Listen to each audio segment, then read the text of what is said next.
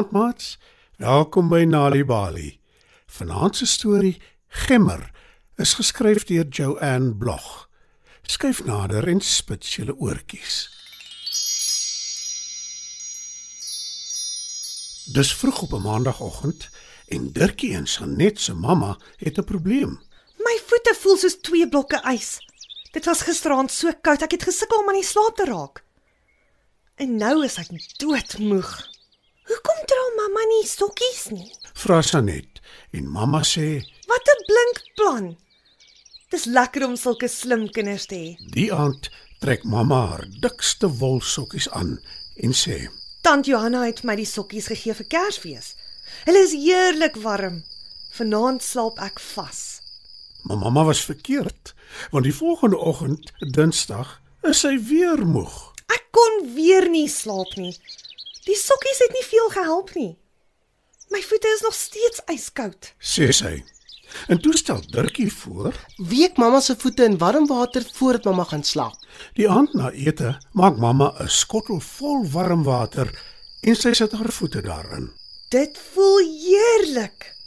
Ek is seker ek gaan vanaand vasslaap. sê sy. Maar nee.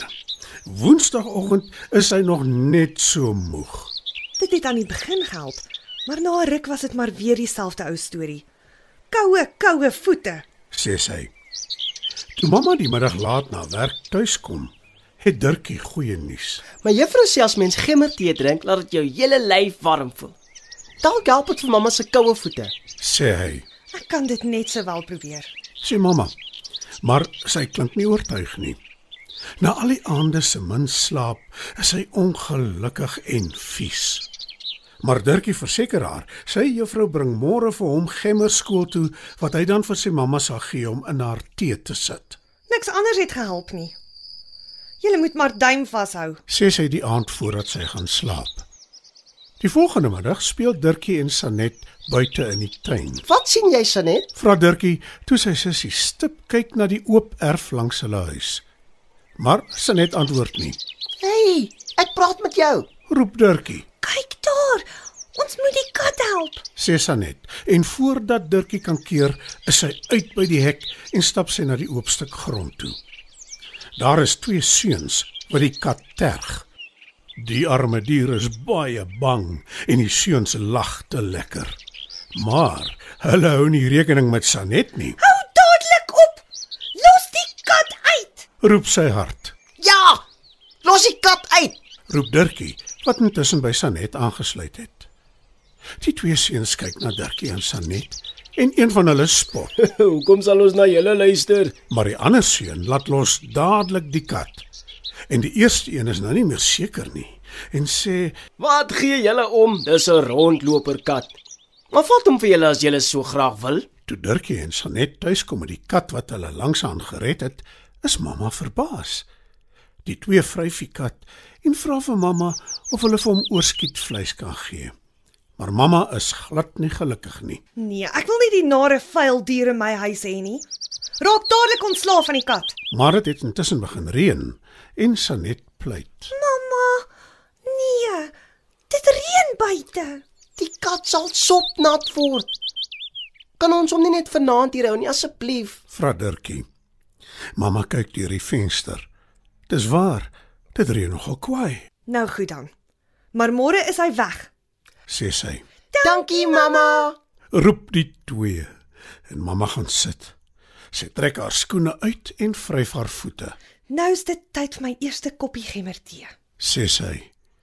Dirkie se moed sak in sy skoene. Hy het vergeet om die gemmer te bring wat sy juffrou vir hom gegee het. En dis Saterdag. Hy gaan eers weer Maandag skool toe. Mamma is nou sommer vies. Sy is so vies dat sy nie eers verder met die twee praat nie. Sy sit net hulle borde kos op die tafel neer en toe gaan slaap sy.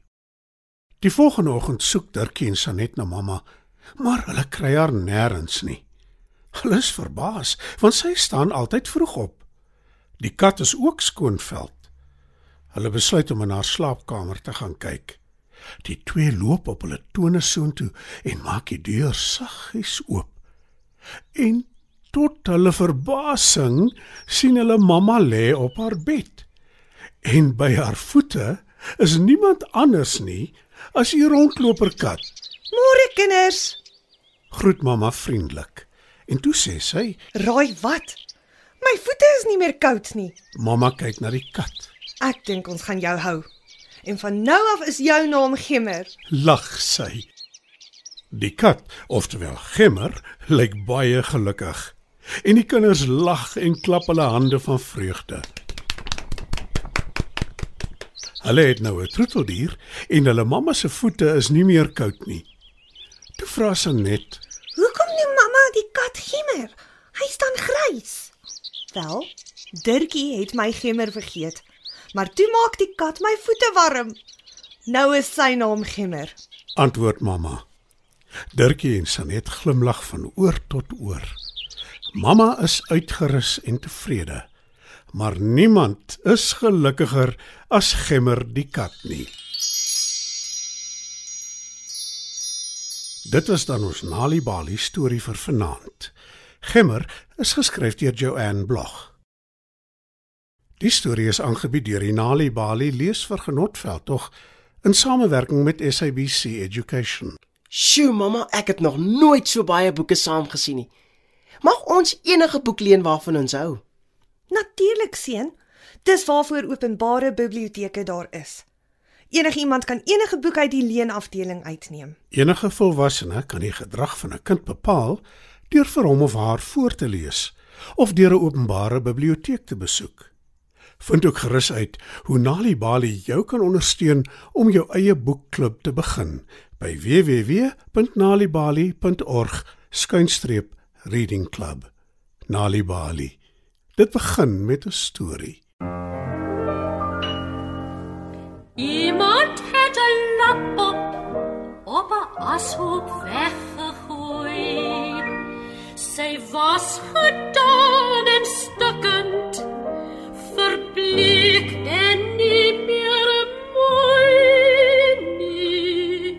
Op die ashoop hoor sy stemme praat en